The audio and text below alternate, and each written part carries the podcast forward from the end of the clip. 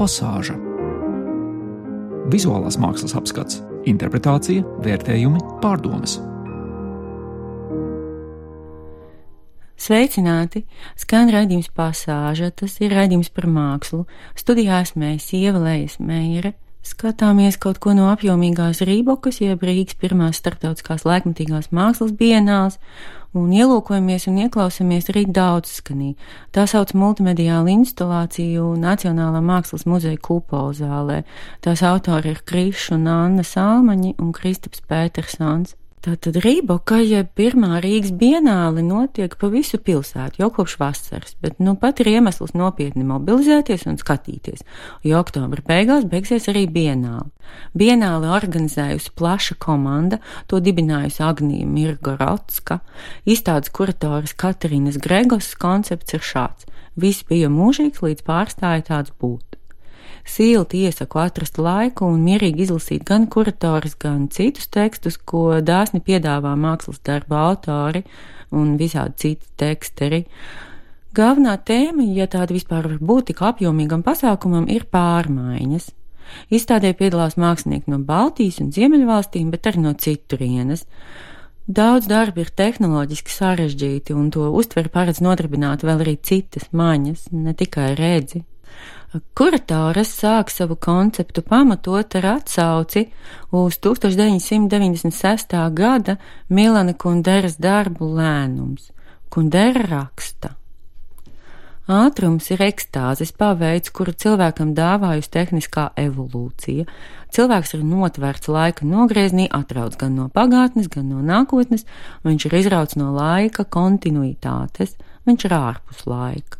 Nu, tad seko daudz punkti, pa vidu visādi kuratārs apsvērumi, un nobeidz savu esēju viņa šādi.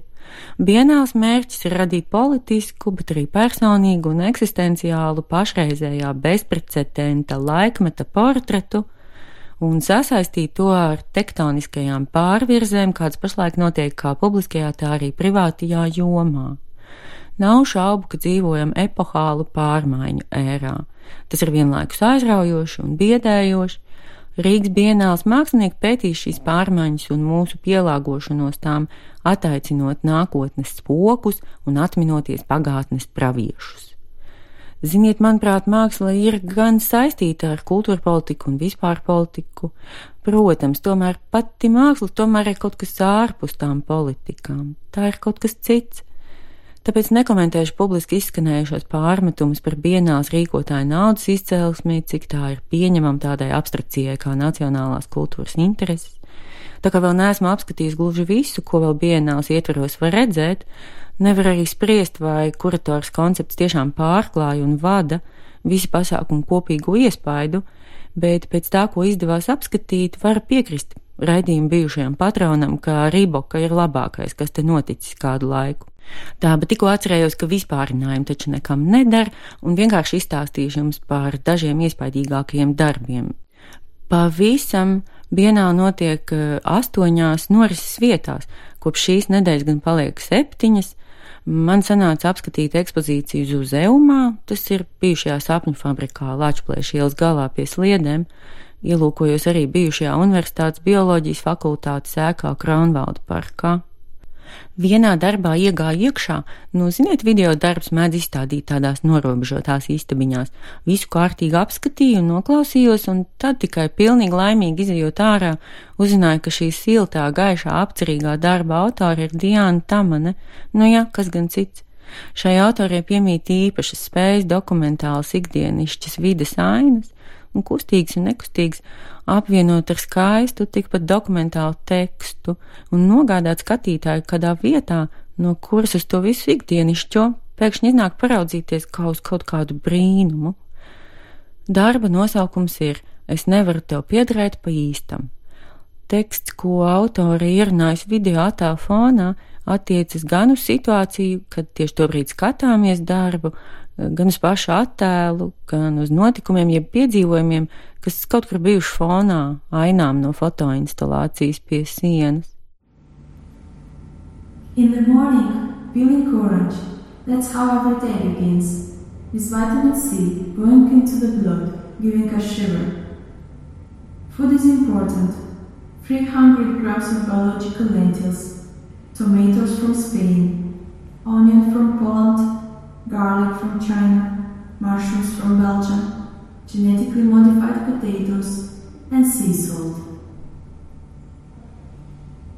Skin, skin, flesh, skin, flesh, flesh, skin, as an information gathering device.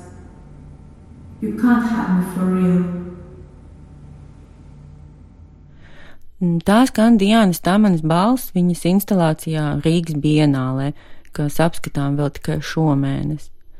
Vispār daudz kas bienālē saistīts ar vizuālās mākslas skaņas un teksta kopīgu iedarbību, bet ir arī tradicionāli mēdīji, piemēram, Vālijo Čenkova glēznas, kurās paplukušām rotaļlietām līdzīgas personas noņems ar visu ko diezgan baisīgu, piemēram, spēlēs ar tankiem līdzīgiem kuģīšiem kaut kādā nosacītā jūrā, vai arī kāds sašļucis tēls nokārtu galvu pa tuksnešainu klajumu dodas pretī melnam, melnam spīdeklim, rokā viņam tikpat sašļucis, varbūt jau beigts dzeltens zaķīts. Pie gleznes uz grīdas puķu pots ar kaut kādu gārsu vai niedrēm, Viens no mīļākajiem darbiem ir Čenkova glezniņa ar tādu atcainu zīli, sīpolu vai ko tam līdzīgu.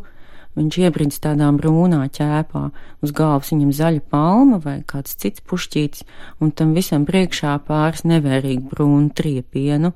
Nezinu, kur no tā sīpola zīle nonākusi, bet citas gleznas varonim iet vēl trakāk. Tam mutē kauls ar iekārtiem cilvēciņiem un glezna pieslēgta pie smagas metāla ķēdes. Bet Karela koplimēta animācijā vētra Baltijas jūrā no tuva draudīgi skatu punkta redzam mazu kuģīti, kuru mētā milzīgi viļņi, ir nakts, protams, negaiss, šausmīgs troksnis un vispār izmisums. Turklāt kuģītis nekur nekustas sacilpotajā attēlā, viņam visu laiku jākuļas pa vienu un to pašu vietu nosacītajā stihijā. Māstā kuģītim Latvijas un Igaunijas karodziņi. Bet viens no pašiem iespaidīgākajiem darbiem Zuzeumā bija Svena Džonsa foto un teksta instalācija ar nosaukumu 21. gadsimta sākuma anomālijas, dažu gadījumu izpēte. Es nezinu, vai divās garajās fotografiju rindās redzam tieši tie cilvēki, kurus stāsti un citāti sarindoti paralēlās rindās zem fotografijām un apkopoti grāmatiņā, bet šis nu ir darbs, kas liek atcerēties daudz ko no mākslas vēstures. Pirmām kārtām jau ambiciozo un pretrunīgi vērtēto Edvarda Steihena projektu cilvēka dzimta, Kaut kur interneta žurnālā fotokvartāls, ja interesē, sameklējiet Alises Stīfentāls feino tiešām analītisko tekstu par šo 1955. gadu vispasaules fotoprojektu, ko joprojām var apskatīt Luksemburgā, bet Svena Džonsa darbā ārkārtīgi iedarbīgi izdevusies tieši attēlu un tekstu sadarbība. Ienāca prātā iepriekš fotomuzejā redzētā Intas Rukas izstāde par varoņiem tagad, skatoties Svena Džonsa instalāciju un lasot tos tekstus, atkārtu, ka šī māksla izdara to, ko sagaida no šāda veida arhivējošiem darbiem, un kas jau gadiem ļoti populāri gan glezniecībā, gan fotografijā, proti, ka tie ļauj sev ieraudzīt kā tādu bezgalīgi paplašinātu ģimenes fotoalbumu sastāvdaļu. Tik žēl, ka nevar te jums neko parādīt, bet uh, var drusku palasīt. Muhameds Anati Alfavāras bēgļu nometne, Hebrona, Palestīna, bezdarbnieks. Negribu divas valstis, palestīniešu valdība nekā prātīgi nepaveic, nevajag tādas, grib tikai vienu valsti, ebreju, taču bez rasisma, kamēr viņi tempļa kalnā ikdienas uzbruk aksas mašajai, viņi negrib mieru, un nekāda miera arī nebūs. Vēl uzzinām, ka 2014. gada 10. augustā Muhamedā Natī desmit gadu veco dēlu Halilu Natī no mugurpuses nošāva izrēliešu armijas patruļi. Iespējams, zēns bija metis ar akmeņiem bruņu mašīnai, lai pierādītu savu drosmi. Nometnē viņi bija apsmējuši kā zaķpastalu.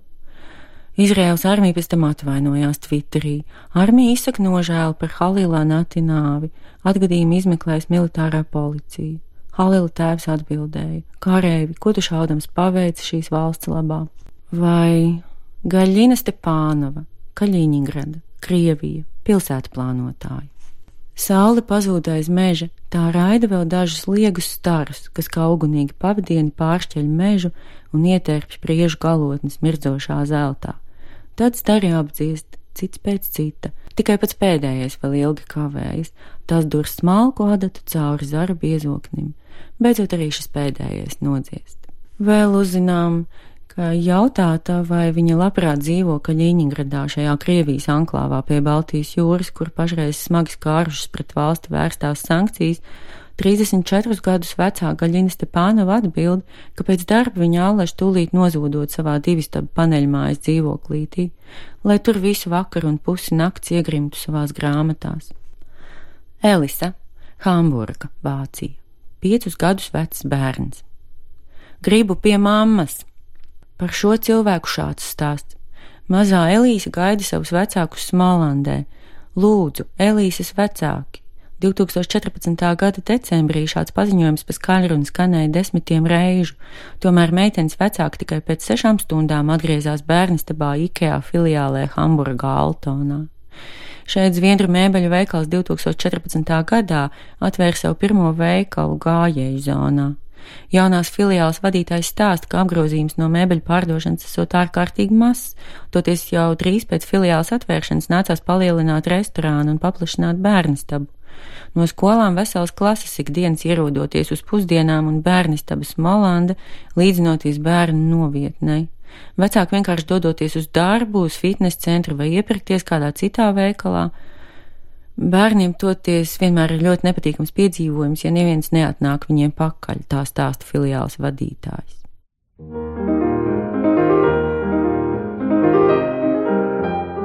Pasāža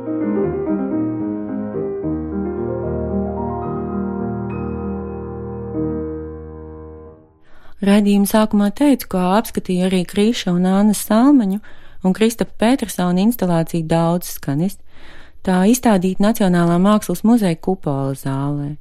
Baltā, baltā telpā iekārts melns, melns caurulis, jeb stabulis. Četras. Tām var nostāties pa vidu un klausīties dobjās, dobjās skaņās. Var arī izlasīt tekstu, ka tas viss ir par saprašanos un nesaprašanos. Autori raksta. Saprašanos bieži sarežģīja kultūras, izglītības, pieredzes, individuālā rakstura, dzimtes un dzīves posma īpatnības. Pilnīga saprašanās ir reti sasniedzama, bet tiek nepārtraukti pieprasīta. Izvirzot saprašanos par nepieciešamību, atšķirīgi viedokļi izraisa rūkumu. Mainot skatu punktu un atšķirīgumu pieņemot par pamatstāvokli, cieņpilna nesaprašanās atbrīvo un bagātina. Esot visā priekšnesumā tāds brīdis, kad katrā ciklā skaņu rindu trajektorijas satiekas. Es to brīdi, diemžēl, nesagaidīju, bet domāju, ka šoreiz celtais minimālisms šķiet pārlieku sterils, lai dzīvā cilvēkā ar šaudīgu prātu kaut kas aizķertos un rezonētu, teiksim tā. Bet var gadīties kā ar iepriekšējo Salmaņu un Petersonu darbu dziesma, ko sapratu un novērtēju tikai redzējusi otrais pēc ilgāka laika.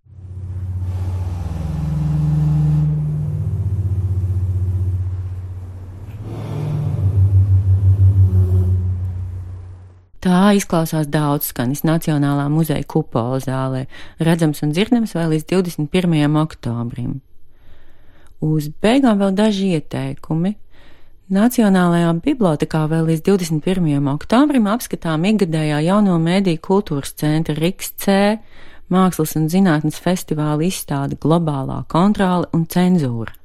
Vēl galerijā māksla XO divas jaunas personāla izstādes Girtam Mužniekam un Leonardam Laganovskim. Līdz ar to arī pasāžu šoreiz izskan. Raidījumu atbalsta valsts kultūra kapitāla fonds. Paldies viņam par to un paldies jums, ka klausījāties. Visu gaišu! Ah, ziniet, beigās klačas no vīnas.